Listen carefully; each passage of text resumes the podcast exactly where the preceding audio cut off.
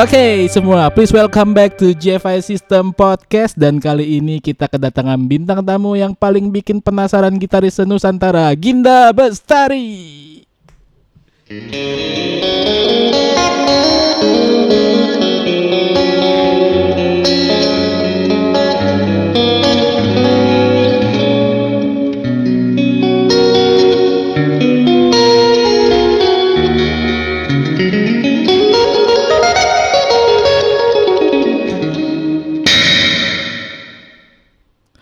Bukan main. Ini dia Ginda Bestari. Halo. Tepuk tangan dulu ceritanya. Ini eh, saudara gue yang berada di Bandung jauh sekali, tapi namanya bergema di seluruh Indonesia karena Amin, yang lagi amin. ngehits berat. Gin, Yoi. ini pandemi orang semua pada mau pingsan karena nggak ada job segala macem. Tapi Asli, ya bener, anehnya hah? seorang Ginda Bestari malah justru makin bersinar. Nah, apa aja sih yang sebenarnya lu lakukan nih, Gin? Yang dilakuin ya, tetap tetap main musik sebenarnya, tetap main musik. Hmm. Cuman karena kondisi seperti kayak begini, putar otak kan, gimana caranya intinya tetap bisa main musik, tapi di rumah aja gitu kan ya, jaga jarak dan lain sebagainya, social dista- distancing dan lain sebagainya selagi belum normal banget. Eh, kayak dulu. Nah tapi intinya tetap main musik, tapi dikontenkan lah seperti kayak gitu kurang lebihnya sih. Di konten berupa konten ha gitu. Ah, sama apa lagi ya Hen? Ha, sama palingan kalau paling yang yang yang berbeda sih kayak manggung mah udah jelas kan ya manggung ada penonton banyak gitu. Kayaknya udah nggak sampai ntar normal lagi udah nggak memungkinkan tuh. Cuman kalau misalkan gua kan se- sebenarnya emang sebelum sebelum eh beberapa orang tahu gua dengan gini ada What Flowers dulu, terus gue bikin album solo itu kan sebenarnya gua awalnya emang session player buat dapur rekaman dulu kan. Nah itu masih jalan sih sampai sekarang gitu buat ngisi-ngisi penyanyi-penyanyi pop gitu-gitu Hen. Itu masih tetap jalan tapi cuman sekarang strateginya adalah eh ngonten palingan ngon- sambil nunggu normal kembali kondisi. Tapi memang kalau menurut menurut seorang Ginda konten itu menghasilkan, Gin. menghasil tapi yang pertama kalau kalau menghasilkan apa enggak sebenarnya apa pun passion kita pasti kalau misalkan di dibikin ada duitnya atau misalkan menghasil di- disebut menghasilkan menghasilkan banget. Tapi emang kalau secara secara nah ini kan nah ini nih ini ini rada panjang nih. Adalah Demen nih. eh konten nih. Konten kan sebenarnya kalau kalau diupload di YouTube itu kan udah pasti ada AdSense tuh kalau udah sampai titik kayak misalkan udah 1000 subscriber sama 4000 4000 jam eh, watch time itu udah bisa diduitin tuh nah sebenarnya dari dari kalau misalkan kita olah lagi ternyata si keran penghasilan dari konten ini nggak cuman dari si AdSense doang sebenarnya. Ada beberapa ada ada salah satunya itu nge-build aset digital sebenarnya. Kayak gue bikin itu kan, bikin apa? Yes. Eh, Secret Masterclass volume 1, volume 2. Yes. Udah Nah, itu. Weh, yo iya kan ya? Kayak itu That is a kayak, genius ah, way. Amin, amin, amin. Nah itu kan sebenarnya eh ngonten, tapi gimana caranya gua gua dapat dapat duit dari situ gitu kan ya, selain dari AdSense. Betul. Dan ternyata pas jadi eh, latar belakangnya gini sebenarnya. Jadi dulu pas gua belajar-belajar videografi, ya. Pas sem- eh, inilah semenjak gua punya kamera lah. Gua gua ngulik-ngulik. Itu di YouTube isinya bukan efek bukan gitar bukan ampli tapi lensa kamera lighting udah begitu-begitu udah berubah lah. Terus udah ngul- ngulik-ngulik itu kan. Nah ternyata ada kecenderungan yaitu ketika eh, youtuber-youtuber konten kreator yang konten-kontennya video sama fotografi nih.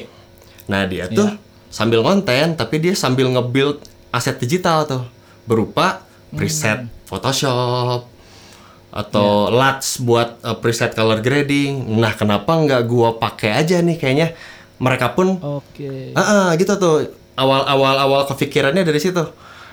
Oh ya udah, oh ternyata mereka nggak hanya mengandalkan AdSense, tapi mereka juga sambil nge-build aset digital mereka gitu, berupa barang ba- eh, produk yang dijual, produk-produk digital. Hmm, hmm. Nah, akhirnya gue kepikiran, ah ya udah deh kalau toh kalau misalkan teman-teman di sini misalkan konten nih mengharapkan dari AdSense gede gitu itu kayaknya belum keras. Kita bisa kalau dibilang kita bisa hidup kalau eh, channel kita itu udah satu juta view per bulan yang nonton. Udah lumayan lah, udah udah ngantongin 8 juta, 10 juta dari situ misalkan. Tapi kalau misalkan baru-baru ngebangun, gue juga kan baru-baru tuh aktif lagi. Ya. Kalau ngandalin AdSense doang, wadaw kayaknya ini juga gitu. Agak lumayan lama prosesnya kan perlu ngebangun dulu gitu. Ya da- dari aset Tapi, digital eh, itu. Tapi setuju nggak di sini teman-teman yang nonton ya kalau saat ini video dari seorang Ginda Bestari itu wow sangat-sangat amazing. Dari segi Amin. Visual udah nggak ada lawan saudara-saudara. Gokil Gin. Entah lu berapa tahun mempelajari itu. Setahun ya, asli setahun itu. Setahun loh. Setahun asli setahun Iya, semenjak ada kamera asli.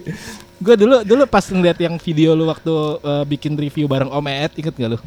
Oh iya, ingat banget. Nah itu belum belum sampai kayak sekarang Gin. belum itu belum tuh. Itunya tuh itu masih masih ini. Nah, itu nih, ini ini nyambung ke situ nih. Nah, Jadi emang sebenarnya secara passion tuh gue pengen konten udah dari zaman kapan itu yang bikin demo pedal terus lesson itu kan sebenarnya. yes. Tapi waktu itu gue belum bisa belum tahu teknis meneknis tentang kamera dan lain sebagainya akhirnya nge-hire tim kan. Ada kameramen segala terus nyewa alat-alat kamera, nyewa nyewa kamera, nyewa lighting. Terus pikir-pikir anjis mahal juga ya kalau dibikin rutin. Bikin rutin tapi kalau harus nyewa mahal gitu kan ya. Bayar orang edit dan lain sebagainya. Akhirnya eh di mundur dulu tuh. Maksudnya kayak ntar deh gua kayaknya ngumpulin dikit-dikit sambil cari tahu nih nah akhirnya udah tuh tahun kemarin pas udah beli kamera mulai ngulik-ngulik akhirnya dapet lah kurang lebih udah udah tersalurkan di channel kan ya Oke. Ya. Nanti nanti gue pengen ngulas lebih dalam tentang video, tapi gue pengen Oke. ngomongin musik dulu saat ini. ah oke Eh, gua nah gua gua gua punya bocoran nih ya, maksudnya dari teman-teman gue di Sukabumi. Asoy Gue banyak banget teman di Sukabumi. Oke, Eh, jadi eh, seorang Ginda ini waktu kecil nih eh, merupakan eh, Jawara Festival. Dia banyak banget dapet the best the best gitaris. Bener gak ya? Bener gak ya? dapat berapa tiga kali lah pernah lah tiga kali tiga kali tiga kali. Dan lu dan lu waktu kecil aja lu udah bisa mencengangkan banyak orang karena lu udah bawain Mr. Big. yo yo yo yo Lu udah lu, lu udah lu udah ngesret ngesret ngesret ngesret. Eh, itu gimana sih Gin ceritanya lu kok bisa sampai kecil-kecil udah main kayak begituan gitu? aja kecil-kecil main gue apa ya ya. eh yang bilang ngerokok boleh sih boleh ya aman ya Eh nggak apa-apa, ya, nggak apa-apa, nggak apa-apa. Tapi Jadi, ah, rokok lu. Magnum filter silakan kalau mau ini. Jadi ceritanya tuh Eh, eh. apa ya pada zamannya sih kita kan kita terbilang seangkatan kan nih Han, nih. Jadi Iya, benar nggak ketika saat itu tuh emang emang dengeran-dengeran kita tuh lebih ke musik-musik yang emang distorsi tinggi lah, maksudnya distortion gitu kayak Mr. Iya, Big, iya, iya. Extreme. Pada saat itu juga Jamrud, Jamrud lagi itu kan lagu berakit-rakit, lagu apa lagi? Pokoknya bumerang kan ya, bumerang Yoi. slang. Terus ya in- intinya ketika waktu itu cekokan kuping tuh karena waktu itu belum ada YouTube belum masih masih masih belum beragam lah gitu kan ya. Akhirnya yang didengar kan itu tuh. Didengar itu ya otomatis itu masuk kan tuh. Cet, ngulik Mr. Big kah, ngulik Dream Theater lah, ngulik apa lagi? Ekstrim lah. Nah, akhirnya Yoi. Festival kan, wow itu lagu-lagu festival sekali itu Metropolis Part 1, wah men. Udah, iya akhirnya eh apa ya, narik lagi ke belakang, eh bukan narik lagi ke belakang, eh kayak singkat kata gitu, singkat kata, udah deh mengalir ke mengalir ngedengar Gary Moore masih yang distortion distortion, dan denger ke belakang-belakangnya akhirnya influence dari Oh, Gary Moore oke. muncullah itu Hendrix, Clapton, Blackmore. Berarti secara nggak langsung Gary Moore ini merubah merubah kehidupan lo Nah, merubah merubah banget itu justru jembatan apa ya eh, batu loncatan untuk mendengar ke belakang gitu kan ya. Mendengar Iya, so- iya, eh, eh, kurang lebih bentar Ren. Iya. Apa Tapi ya? setelah setelah lu Eh. setelah apa namanya? benar-benar benar-benar lu dirubah dong. Maksudnya dari segi main lu benar-benar lu berubah apa lu tetap mempertahankan gaya shred lu tapi dipadu dengan Eh, blues atau sejenisnya. sebet sebetulnya tuh emang Hmm. dari dari SMA lah maksudnya udah secara secara gue pribadi tuh demennya Hmm.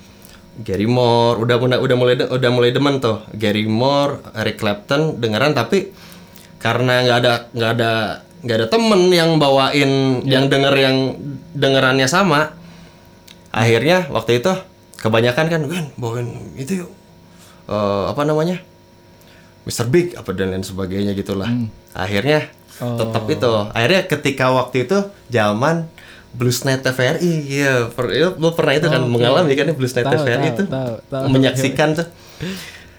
Nah itu tuh mulai mulai terpincutnya tuh di situ tuh. Lihat Gugun kan waktu itu buka, bu- Lu pasti bukan lu nan- lu Gugun kenal Blue Rama Satria Gugun dari Blue situ ya, gini? waktu itu The Gun Project, The Gun Project. Dengan dengan Rama juga waktu itu uh, Hakemate. Iya. Nah dari situ tuh mulai-mulai wah kayaknya gua apa namanya bikin bikin band blues bawain bawain lagu Jimi Hendrix. Nah dari situ sih awalnya udah mulai eh kayaknya gua Oke. eh, bikin trio bawain blues. Nah semenjak itu sih. Lu di Bandung posisinya. Mm-mm. Tapi bagaimana seorang Ginda itu bisa sampai terdengar banget gitu dan sampai banyak yang mau menggunakan jasa lu sebagai seorang session player gitu. Nah ini tuh sebenarnya yang gua dapat kerjaan ngisi-ngisi gitar itu sebenarnya nggak dari banyak orang. Itu kebanyakan dari satu orang terus beberapa ada ada dua tiga orang lah tiga orang tiga orang arranger gitu eh, penata musik. Arranger. Oke. Heeh. Dan Jadi soalnya kalau- hmm? continuity yang berarti ngasih ke lu nya ya. Iya. Kurang lebih sih kalau soalnya. misalnya seorang gitaris kalau udah bagus banget mainnya, jadi sekali dikasih job nyambung terus, gak diganti-ganti. Sebenarnya ini sih apa namanya sebenarnya kayak kayak session player yang gua yang gua tangkap nih ya. Mm-mm. Ya itu tuh ibarat kayak kita makan di luar nih. Makan di luar udah cocok. Misalkan eh makan di sini yuk gitu. Ini udah enak nih misalkan atau udah udah cocok nih atau cukur rambut. Ya.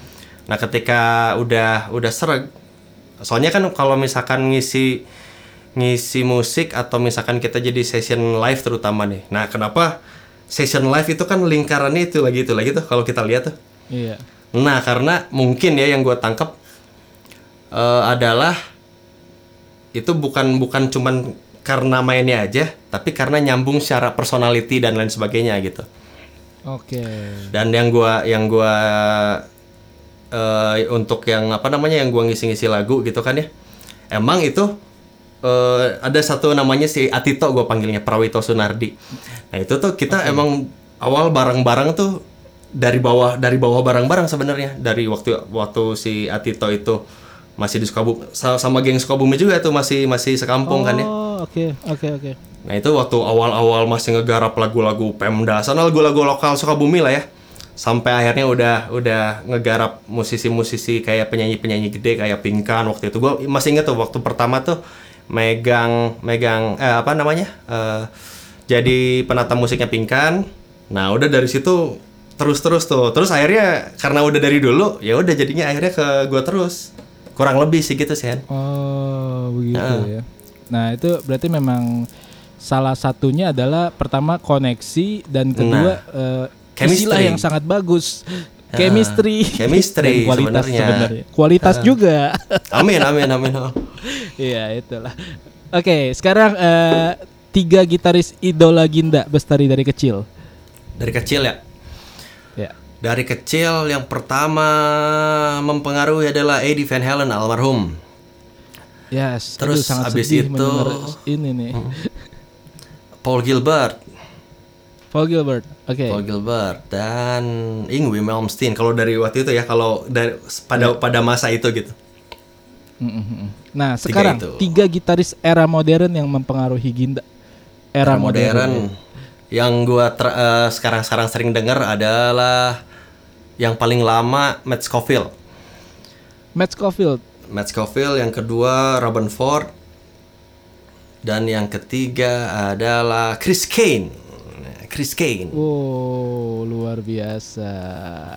Itu ya. Gin, Tiga gue itu. pernah nonton di di salah satu video lu, eh, lu eh, membicarakan tentang rasa. Hmm. gue pengen ngebedah itu. Eh, Sebenarnya apa sih rasa dalam bergitar menurut seorang Ginda dan bagaimana cara rasa itu bisa mende- ke deliver ke yang dengerin lo? Anjis berat kan? Berat ini pertanyaan. ya Tuhan, berapa ya? Eh, Ini menjawab rasa ya. menjawab tentang soulful desire sebenarnya. Asli sih sebenarnya itu. Asli yo. Rasa sebenarnya eh, eh, rasa itu adalah kalau kalau disederhanain gitu ya, Yes. adalah logat bahasa sih sebenarnya. Logat bahasa. logat Aksen bahasa. berarti. Ya? Se- sebelumnya ya sebelum sebelum eh, awalnya kalau kita tarik gitu. Soalnya kan setiap setiap setiap style mu- musik punya logatnya masing-masing. Salah satunya blues ada logatnya jazz ada logatnya country ada logatnya dan lain sebagainya. Nah kalau kita tarik sebetulnya kalau kayak gini deh misalkan bahasa Sunda nih. Mm-mm. kumaha damang ya kan ya semua bisa Hmm. bilang kumaha damang. Tapi ada logatnya itu kan. Ada kayak ayunan misalkan kumaha damang? Nah itu kan ya. Iya. misalkan Medan dengan apa namanya ketegasan dan lantangnya gitu kan ya. Horas dan lain atau Jawa yang medoknya eh, D-nya nih sebenarnya dari situ tuh. Nah Yes. balik lagi nih kerasa nih. Nah gimana caranya si logat itu kita ngedeliv ngedelivernya itu intinya dengan dengan logat yang kita bisa bisa apa ya bisa omongin se sedapat mungkin sama apa lagi ya I, itu sih kurang lebih kan kayaknya sih kalau menurut gue Iya, gitu iya, iya. Itulah. Tapi eh, cara kita mendeliver itu gimana sih gitu Nah, biar pendengar delivery. tuh bisa merasuk ke kolbu.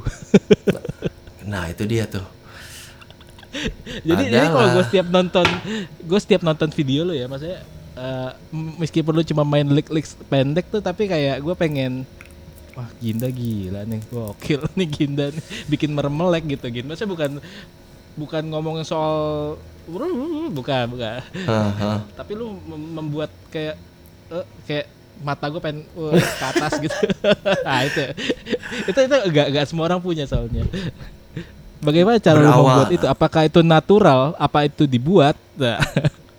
sebenarnya ada formula bukan formula ya kayak di dalam otak gue tuh Hmm. nah sebenarnya nah ini narik ke sini nih sebenarnya kan Hmm. musik kan kalau ini ini ini eh, pendapat gue pribadi pendapat gue pribadi ya belum tentu benar juga. Ya Eh, musik berarti yang kita incar adalah musikalitas kan ya?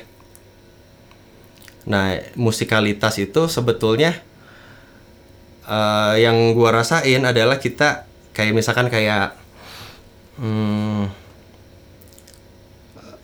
on bukan on tempo kayak misalkan itu ayu kayak misalkan swing kayak gue main deh misalkan contohnya ya. Ya kayak kedengeran nggak ya? Kedengeran? Kedengeran. Misalkan kayak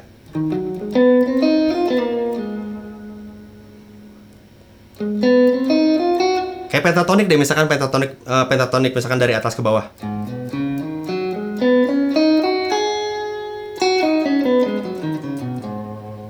Nah tapi itu tuh kita itu kan kertas kosong tuh gimana caranya bikin itu musikal adalah itu kita mainin berirama sebenarnya kayak misalkan.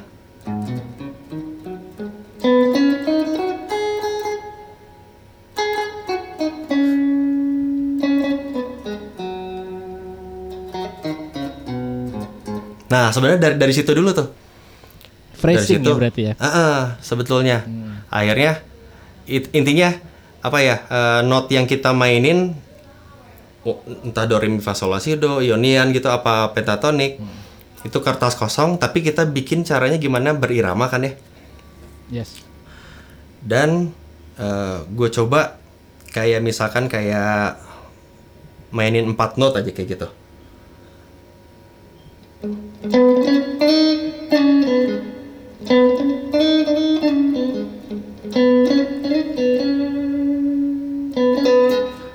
Itu ada kayak kayak apa namanya ada statement, ada kayak kita kurang lebih kayak kayak kayak mengutarakan sesuatu sih kan kayak gitu.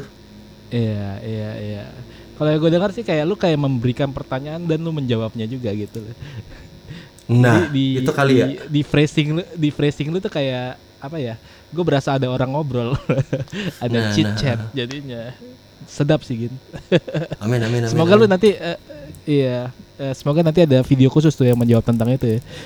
siap. Menurut seorang Ginda, ah, lu kan suka menjawab, eh, suka berbicara tentang sumber suara, oke, alias gitar, penghantar suara, eh, penghantar sinyal dan pewarna suara. Nah, menurut seorang Ginda, dari masing-masing itu, seperti apa sih yang ideal? Misalnya dari sumber suara dulu, Gin. Yang ideal tuh maksudnya untuk nggak us- ya kita nggak ngomongin entry level ya, tapi kita ngomongin eh, buat seorang gitaris tuh ya? idealnya gimana sih? Iya, secara keseluruhan. Yang ideal adalah tapi yang pertama adalah eh, gitar itu proper. Maksudnya proper itu eh, kayu-kayu yang kita misalkan kayu yang itu proper untuk gitar kayak alder, ash, mahogany, basswood. Mm. Pokoknya intinya eh, pabrik-pabrikan gitar kan pasti sudah meneliti terlebih dahulu tuh Betul. sebelum mereka rilis kayak misalkan Fender, Gibson, kenapa pakai Alder, kenapa pakai Ash, kenapa pakai Mahogany karena udah kita nggak tahu nih ya. Tapi pasti yang gue yakin adalah mereka ngeriset terlebih dahulu dari sekian banyak kayu gitu. Dan ternyata untuk gitar mereka memutuskan pakai itu ada sebabnya gitu kan ya. Nah terus udah dari kayu masuk ke eh, menangkap suaranya gimana? Dari pick up gitu kan ya. Ya. Nah dari pickup di situ ada ada kayak DC resistannya berapa? Intinya kalau misalkan kalau teman-teman di sini misalkan main eh, style permainannya lebih misalkan kayak contoh John Mayer. John Mayer itu pakai pickup yang outputnya nggak gede dia kecil. Kalau misalkan lihat Joe Bonamassa waktu pas zaman zaman pakai eh, Strat kalau nggak salah nih ya itu outputnya lebih gede gitu. Untuk Oke. dan magnet-magnet pick up-nya dan lain sebagainya sampai itu adalah akumulasi dari ini sih maksudnya. Dari kayu pick up wiringnya. Kan wiring ada be- berbagai macam style tuh. Ada yang modern style ada yang 50s ada yang 60s kalau nggak salah ya. 50s sih biasanya. Kalau misalkan Gibson ada 50s eh itu tadi. Sel- intinya yang gua yakini adalah seluruh komponen yang menempel di gitar ini itu mengakumulasi warna suara yang dikeluarkan gitu kan ya sampai ini percaya nggak percaya bahan apa tuning machine Yes. sampai springs belakang kalau misalkan kita pakai strat gitu itu mengakumulasi juga tuh hand tuh mengakumulasi warna suara juga Oh, Oke. Oke, eh, lalu kalau misalnya untuk penghantar suara sendiri yang ideal seperti apa sih, Gin? Nah Terutama buat suara misalnya kita eh, kalau kalau bukan bukan buat praktis ya, tapi maksudnya buat kebutuhan profesional seperti rekaman dan manggung gitu. Idealnya Hmm. itu seperti apa, Gin? Pengantar suara. Nah, ini ini juga uh, agak lumayan kalau buat teman-teman yang belum nge sebenarnya ini agak tricky juga si penghantar suara. Iya. Bukan bukan tricky sih sebenarnya. Karena gue juga dulu sempet eh beli salah beli ampli sih sebenarnya. Salah beli ampli gara-gara nggak tahu. Hah? Apakah misalkan kayak style musik kayak gue nih. Kan eh, ampli itu ada British M, ada American M. Yes. Nah, British M seperti Marshall, Fox, Orange, Blackstar dan lain sebagainya. Kalau American M, Fender karena yang paling yang paling kentara tuh ada ada lagi kayak Milkman itu sebenarnya masih based on Fender. Nah, intinya dua dua dua style warna suara dari si penghantar suara atau ampli tuh dari dua itu tuh. Ada satu lagi sebenarnya eh, geng-geng high gain, tapi gua eh, tidak di ranah itu kan ya. Ya. Nah kalau untuk untuk clean dan apa namanya kayak musik-musik kayak gua eh, American M sama British M. Nah sama satu lagi waktu itu sempat jadi ceritanya gue beli Twin Reverb kan. Beli Twin Reverb. Ah, waktu itu ceritanya tuh pokoknya gara-gara gue lihat Matt Scofield di eh, Jakarta Blues International Festival waktu itu. Oke. Dia pakai Twin dan itu salah satu sound gitar paling the best yang gue pernah denger gitu kan ya. Waduh, dia, dia pakai apa pas diintip kan? Pakai si Twin Reverb. Akhirnya udah keracun kata wah pengen beli Twin Reverb, beli Twin Reverb. Dan ternyata itu tuh intinya watt gede kan ya. Watt gede, ampli watt gede.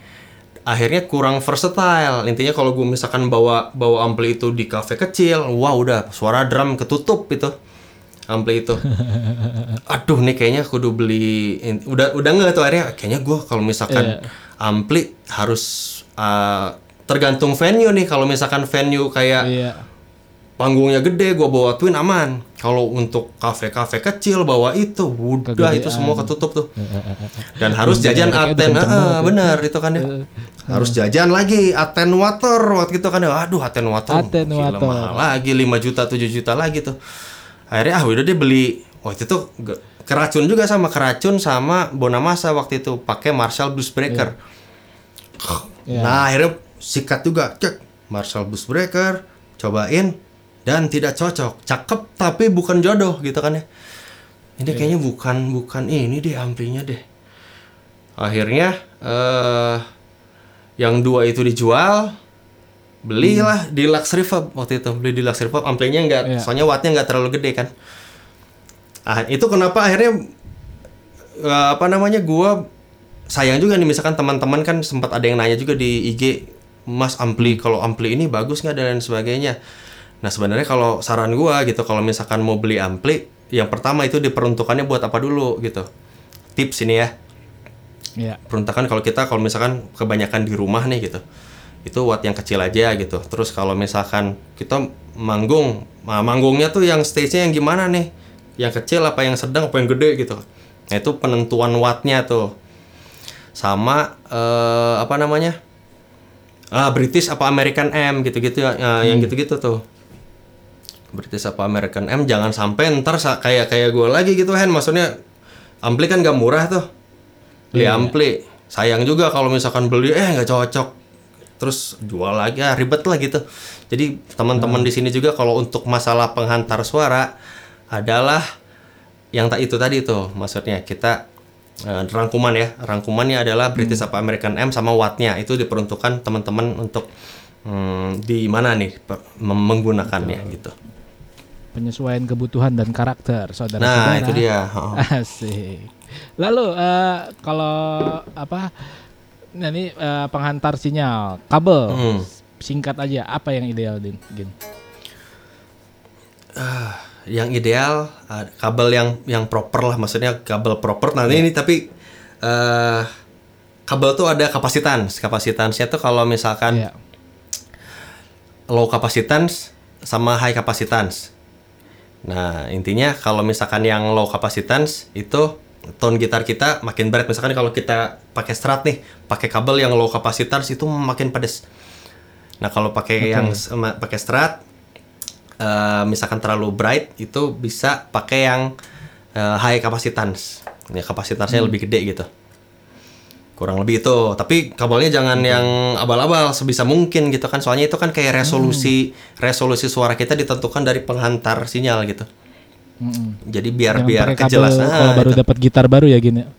Apa apa apa Kalau baru kalau baru beli- baru beli gitar kan dapat kabel gratisan tuh. nah itu apalagi kabel Dracula warna-warni itu kan ya yang murah meriah Iya, wah itu, itu. jangan Eh, menyedot itu kabel Dracula menyedot tone gitar kita jangan Oh, Dracula maksudnya Dracula, itu. Itu. Suck your tongue, bro.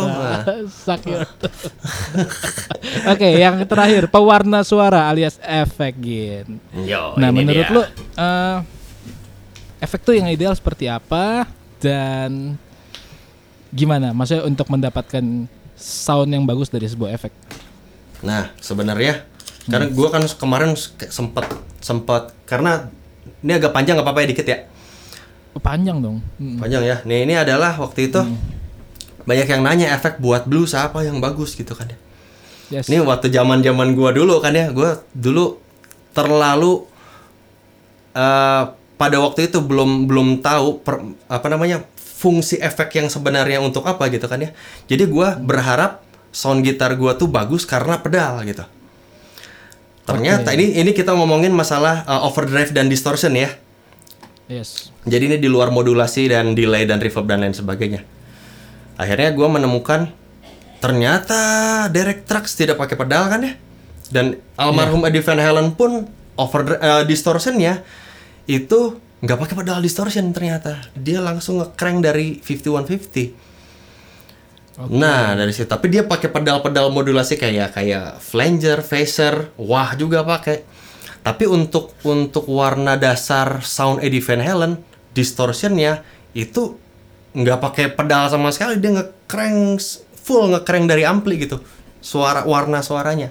Nah di situ tuh akhirnya akhirnya dulu sempat beli kayak wah gue pengen beli pengen suara kayak Stevie Ray gue beli. Stevie Ray pakai apa? S808 gue beli dan tidak sama suaranya kayak Stevie Ray. Kok nggak sama nih ya? Intinya terlalu itu kan ini mindset mindset oh, Iya. gue pengen dapetin sound kayak gini gue beli efek sama lah kayak idola gue gitu. Ternyata enggak ternyata. Iya. akhirnya kesimpulannya yang gua rasain adalah sekarang ternyata untuk masalah uh, overdrive itu gua nge-crank ampli juga sama crank deluxe reverb ini untuk Oh, pas lagi oke. di, di rumah ini kan ya nge-crank deluxe reverb di volume 10 dan clean Volume 10 clean dan distortion apa clean dan overdrive-nya diatur dari knob volume saja Oke. Berarti memang anak lu di rumah memang udah biasa dengar eh, suara crank up ya? Dan untungnya ada aux ini, jadi bisa ngecrank tapi suara bedroom level, asik aman. Di tetangga aman, tetangga tidak ngamuk aman aman. aman. Oke, Gin lu kan eh, sekarang juga lagi eh, pakai pedal dari JFI System. Oke. Ya, itu, kita nyambung situ. Tunggu tunggu. Kita nyambung ke sana ya. Menurut lu gimana, Gin? Kayak Ya, itu. Sekarang yang lu pakai apa sih, Gin? Yang gue pakai adalah nih yang sekarang lagi nyolok adalah Synesthesia GFI. Jadi Synesthesia. Synesthesia si pokoknya intinya kalau tentang GFI gitu ya. Tentang GFI menurut gua sekarang mah udah GFI mah dibilang worldwide sedunia.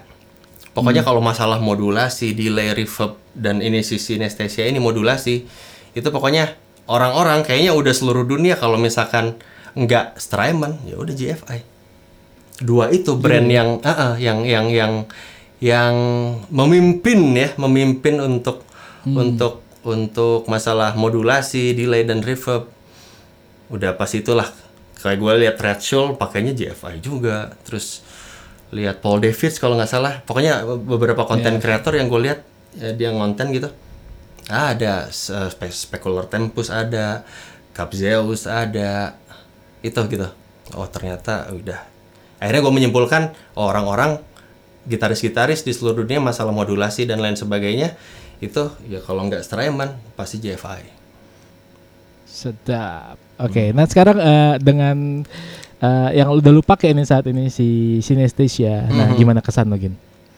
kesan gue adalah si synesthesia ini adalah intuitif. Jadi sebenarnya modulasi kan eh, rasanya tuh misalkan terutama songwriting memang kalau misalkan untuk musik yang gue pak yang gue mainin gitu kan ya ini gue nggak nggak terlalu banyak pakai modulasi. Tapi kalau misalkan untuk karena gue nyambungin ke masalah ini nih masalah eh, konten kreator gitu videografi ada sound effect dan lain sebagainya. Nah ini kepake banget nih. Dan rencananya gue juga kan agak mau masuk ke ranah-ranah bikin ya film-film santai lah gitu kan ya short movie santai gitu Ya, ya, ya. Nah itu gue kepikiran kayaknya nih pas udah nyobain ini gitu. Nah kayaknya gue sound effect sound effectnya semua bisa dari sini gitu dari si synesthesia ini. Eh, Gin, eh, dari Synesthesia sendiri eh, fitur-fitur apa yang udah lu kulik, Gin? Baru preset presetnya Han. Heeh, lu udah nyoba-nyobain preset- Udah udah udah udah udah nih. Dan ini intuitif sekali untuk songwriting terutama ini. Pokoknya ketika gua nyobain ini jadi kan gua kalau ketika pas lagi apa gitu pas lagi entah ngedit entah lagi di depan laptop dan nggak lagi nyetel maksudnya bukan bukan kerjaan audio gitu ya. Kayak kayak lihat-lihat Instagram dan sebagainya itu pokoknya lagu gua kan selalu lagu lo-fi itu. Iya. lagu-lagu lo-fi. Dan ini tuh gua kebayang misalkan kalau misalkan gua eh, bikin lagu dengan nuansa lo-fi ini banyak sekali. Ini kayak misalkan eh, atau enggak nih kalau kayak contoh nih gua gua mainin aja ya langsung ya. Asoy.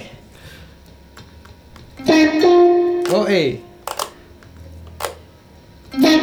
Sorry kita kecilin dulu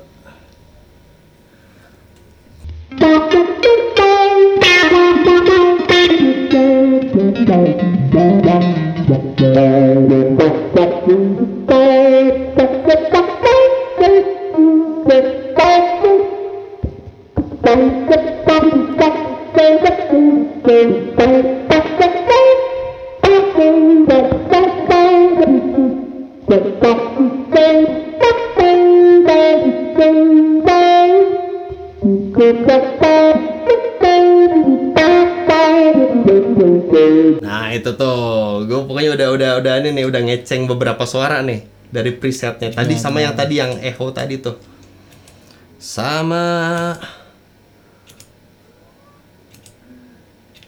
Ini nih ada ini nih, the the Funk udah kan ya tadi ya, Octolen, Octolen mana ya? Octolen ya?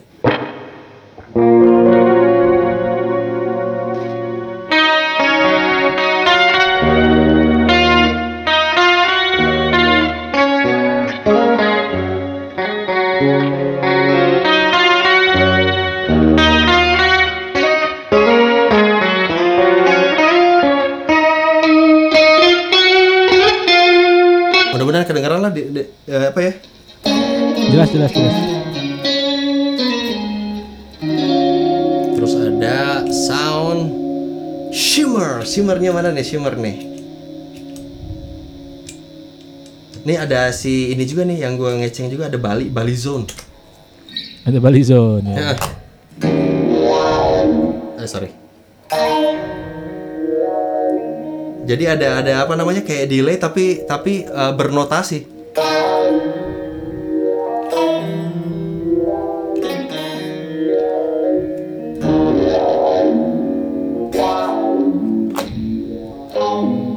Kedengeran ya belakangnya ujung-ujungnya kedengeran nggak sih? Iya, iya. Oh eh. Terus sama Itu ya Gin ya. Apalagi Ah. Gin? Shimmer shimmer deh gue main shimmer jarang-jarang nih main shimmer nih.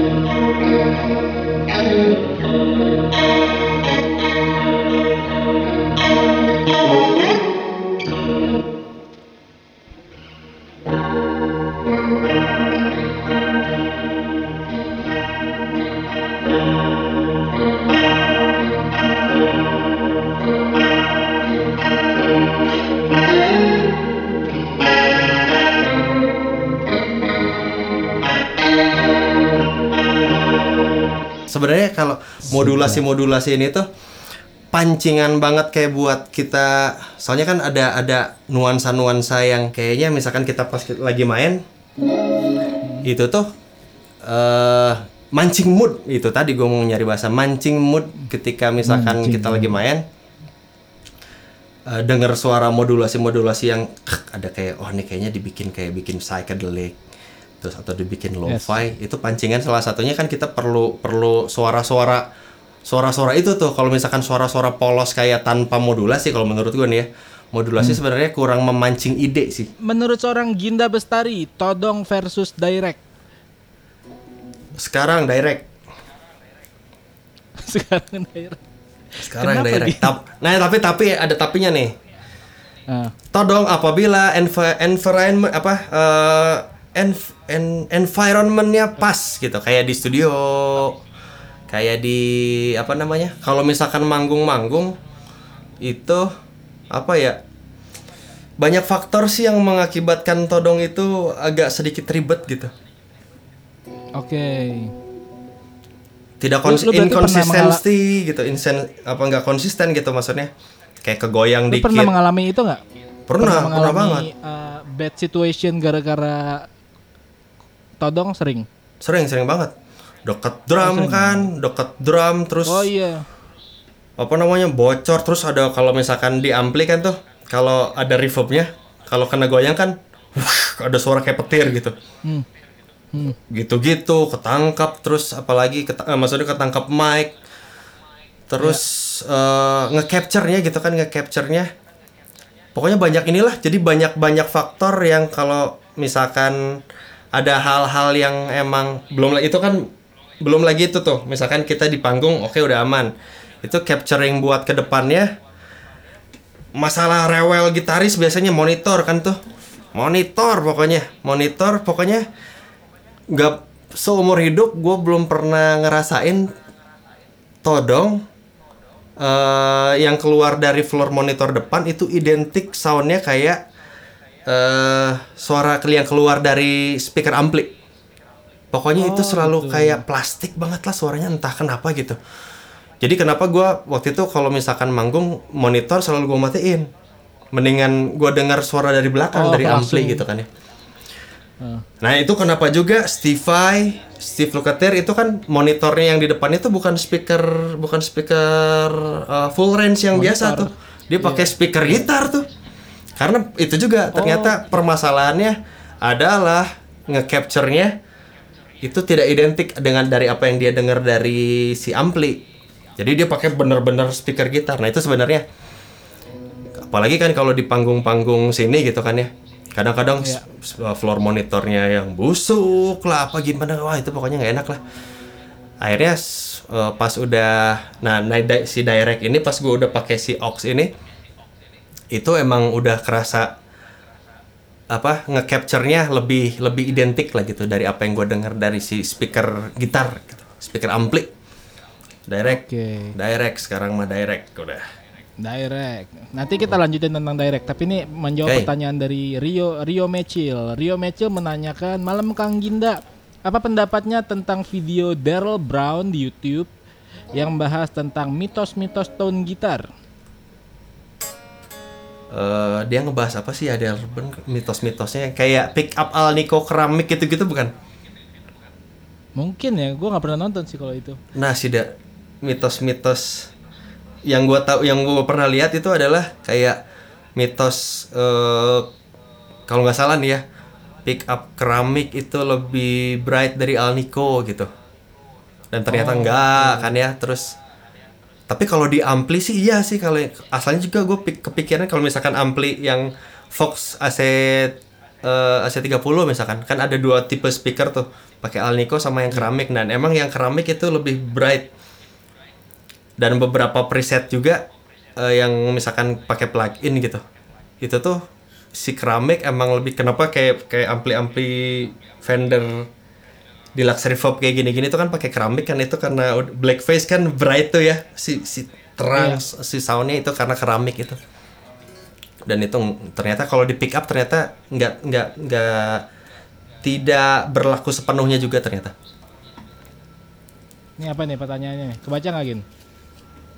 pentingnya visual di luar musik contohnya kamera and video yang Om Binda pakai. Adakah pentingkah? Oke eh di era konten seperti ini gitu kan ya sepertinya emang eh apa pun profesinya gitu apa pun profesinya kalau kita eh, sekaligus sebagai konten kreator itu membantu kita apa pun profesi kita gitu Soalnya kayak toko-toko misalkan kita nyari apa nih, misalkan pedal kan ya, nyari review pedal atau review review ampli atau review gitar. Misalkan kita lihat eh, apa namanya? YouTube channel luar. Kayak biasanya kayak YouTube channel luar kayak Endertons, Guitar Center, Sweetwater itu kan kontennya cakep-cakep kan. Banget banget.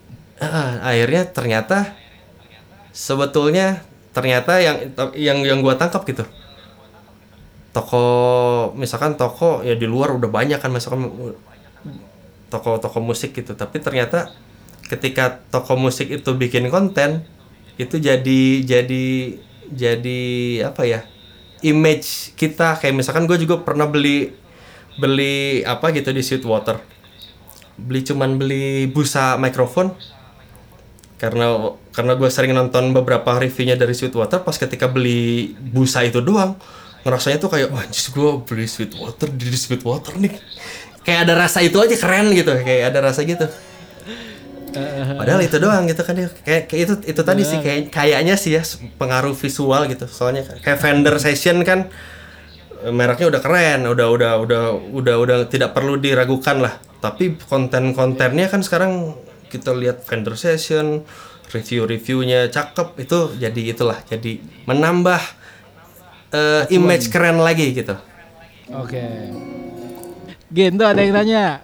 Nah, eh, JFI-nya berasa digital nggak sih mas? Yang mana nih? Yang ini Itu ya? yang lagi lu pakai. Yang sinestesia. Yang sinestesia. Kalau yang gua denger ini kayak misalkan tadi yang si apa namanya envelope ya, envelope filter gitu. Ini rasa-rasa stompbox sebenarnya. Rasa-rasa stompbox banget, gengs.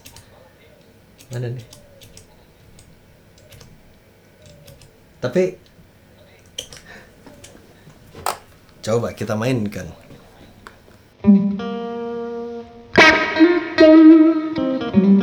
Gue copot satu deh. Biar kedengeran.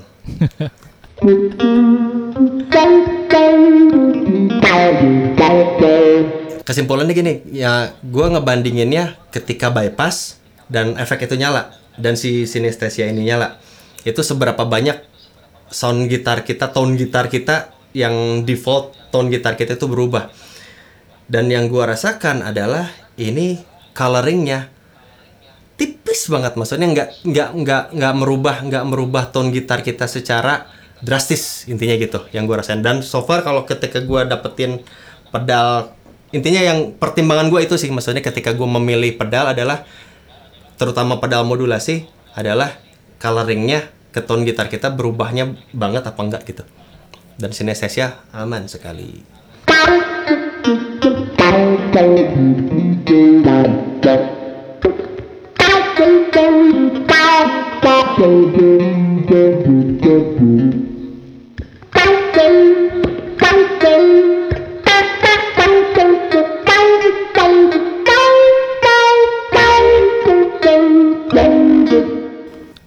menurut banyak orang dan menurut Kang Eddie Van Halen, hmm? Tone itu kan eh, ada di jari, betul kan? Hmm. bener bener bener Seberapa besar gear merubah tone seorang Ginda Bestari? Dan apakah sebuah gear eh, untayan gear itu dapat merubah karakter gaya main lo sampai technically segala macem seperti itu? tone itu di jari benar tone di jari benar soalnya ketika contoh nih misalkan ya ketika misalkan tone gitar kita begini kayak kurang gede gitu dikit lagi kita gedein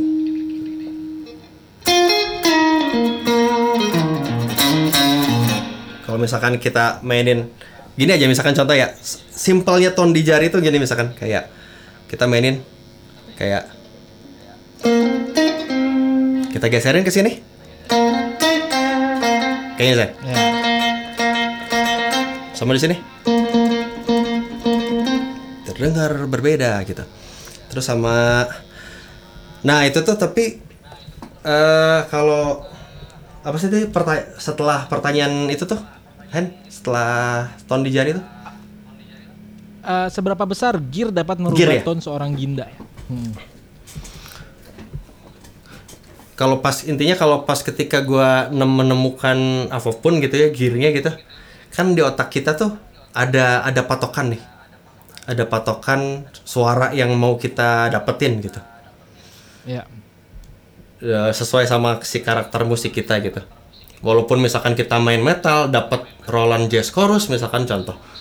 Walaupun secara secara itu amplinya kita nggak cocok untuk genre itu tapi karena misalkan adanya satu ampli itu gitu otomatis kita gimana caranya si Roland ini terdengar semetal mungkin gitu dengan misalkan bantuan pedal dan lain sebagainya gimana caranya dapat lah gitu. Nah itu tuh eh, salah satunya itu sih kenapa menurut gua kadang-kadang gitu pakai apa deh pakai camper atau misalkan apa gitu. Itu kan secara secara secara kualitas alat sudah tidak diragukan lagi misalkan. Tapi kadang-kadang kalau misalkan kita pakai itu tapi karena di otak kitanya belum ada sesuatu apa ya kayak misalkan contoh pakai camper tuh sebenarnya bisa bisa sound gitar kita bisa jelek bisa bisa jadi loh Hen. Loh. soalnya karena itu karena apa ya gini ada gini deh Mas Eet aja ya. Gue tuh kadang-kadang kemarin gitu pas acara kemarin di Kompas itu tuh Mas Eet kan pokoknya sekarang tuh emang direct banget pakai zoom itu kan ya direct direct banget betul. Dan itu tuh mas lo kok bisa bisa dapet sih ya gitu. Maksudnya pak yang notabene direct itu wah bodinya nggak ada suaranya plastik banget. Mas Eet enggak tuh suaranya gue denger gitu kan ya. Itu benar Canggih ya. dan nah, nah waktu itu gue nanya gitu terus saya terus mas Eet bilang gini waktu itu kan. Nah sebenarnya sama juga intinya kayak tadi sebenarnya gue juga kan sebelum masuk ke fase digital ini itu gue ya. waktu zaman zaman edane album pertama album kedua itu emang gue pakai ampli benar-benar ampli gitu. Ke kereng ampli dan lain itu dan lain sebagainya. Akhirnya itu ngeben- ngebentuk standar taste dan kuping Mas tuh. Yang mau di- apalagi ada background sound engineer kan waktu di Amerika kalau nggak salah ambil ambil sekolah itu Mas Aet ya. Dan akhirnya tuh ketika dapat alat yang simple gitu kayak misalkan multi effect yang harganya nggak mahal zoom apa gitu ya ini pokoknya murah lah gitu zoom zoom zoom, Zoom soundbox G5. kecil gitu. Apaan? oh, oh, dia pakai yang kecil ya?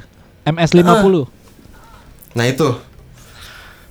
Dan itu kan suaranya nggak percaya gue Iya. juga nggak denger anjir nggak percaya nggak percaya gitu eh, mas Ayat pakai itu gitu kan ya dan ternyata apa pun apa pun alatnya ternyata ketika taste kuping kita udah naik udah udah ada standar di otak kita dan di kuping kita gitu apa pun yang kita pegang itu kita bisa sulap jadi jadi jadi bagus gitu ternyata gitu.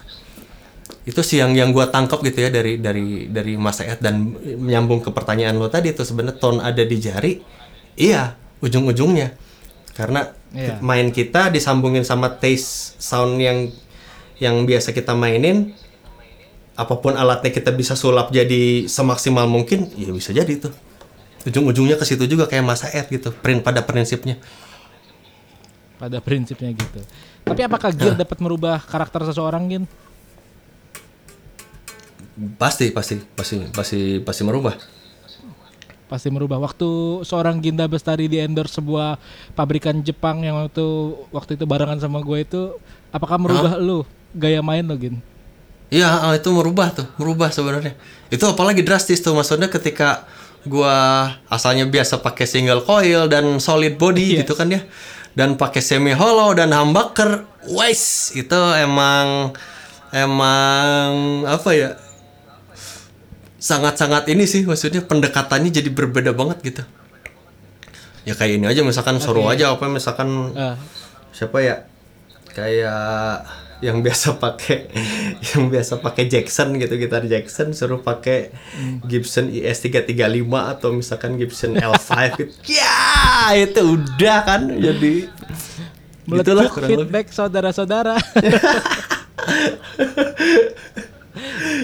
Oke Gin, eh, sebagai penutup nih, siap. Gin eh, bisa kasih tips nggak buat teman-teman yang sekarang sedang menghadapi pandemi yang begitu berat, terutama job pada berseliweran hilang, tapi bagaimana biar teman-teman bisa dapat bertahan dan kreatif kayak lo?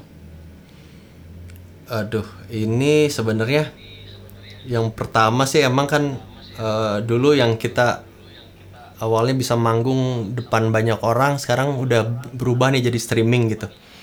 Ini sebenarnya kayaknya transisi transisi aja sih ibarat kayak dulu sebenarnya masa-masa transisi gini tuh udah sering terjadi ya di dunia ini tuh kayak zaman dulu ada wartel sekarang nggak ada wartel karena orang udah punya handphone semua gitu kan telepon koin ya harus gitu. wartel sih? Iya, benar, benar, benar. analoginya wartel ya jauh ya siap Analog. Wartel.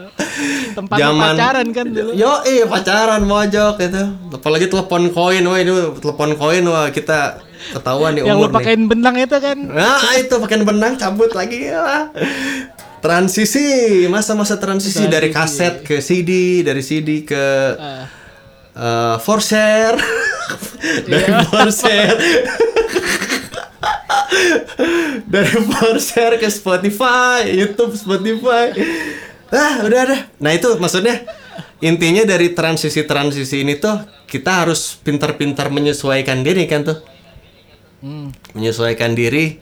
Nah ini transisinya dari, nah ini ke ke new normal ini mungkin ya new normal. Nah ini tuh emang ternyata sebenarnya selama internet masih ada, nah itu tuh ya hidup belum berakhir lah. Maksudnya masih ada beberapa uh, hal yang bisa kita explore dan intinya kita bisa tetap berpenghasilan gitu kan ya, berpenghasilan di bidang kita di dunia kreatif misalkan. Salah satunya adalah dengan eh membuat aset digital sih kalau menurut gua. Membuat aset digital gitu kalau kebalik lagi yang awal tadi ya gitu ya. Mas digi- eh, aset digital kan bisa macam-macam gitu sesuai dengan passion kita masing-masing. Bisa lesson bisa backing track bisa bisa live session bisa podcast. Podcast juga ternyata bisa bisa berbayar juga kan ada itu juga. Bisa apa pun gitu atau misalkan berniaga dengan dengan passion kita misalkan. Atau musik kalau untuk musik sih eh, misalkan kita tetap berkarya. Tapi intinya eh, sekarang emang karena dengan pandemi ini pengguna internet eh, meng- orang mengakses 40% lebih banyak gitu daripada sebelum itu sebelum pandemi. Nah itu bisa jadi salah satu peluang juga gitu salah satu peluang peluang untuk kita menyentuh ranah itu. Sebenarnya kalau kalau gue sih terutama gitu mengajak teman-teman apa pun profesi teman-teman gitu sebetulnya eh, sambil kita sebagai konten kreator itu sangat ngebantu juga sebenarnya sangat ngebantu kita dan bisnis kita dan profesi kita. Dan itu tadi di era konten ini sangat-sangat kayaknya perlu untuk di, di disentuh lah gitu ya masalah-masalah audiovisual gitu Oke teman-teman, terima kasih yang udah join di podcastnya GFI System. Sampai jumpa di podcast selanjutnya. Thank you Ginda, sukses terus, eh, sehat yeah, terus. You. Salam buat sukses keluarga. Untuk GFI. Terima kasih. Sikat. Sikat. Sikat.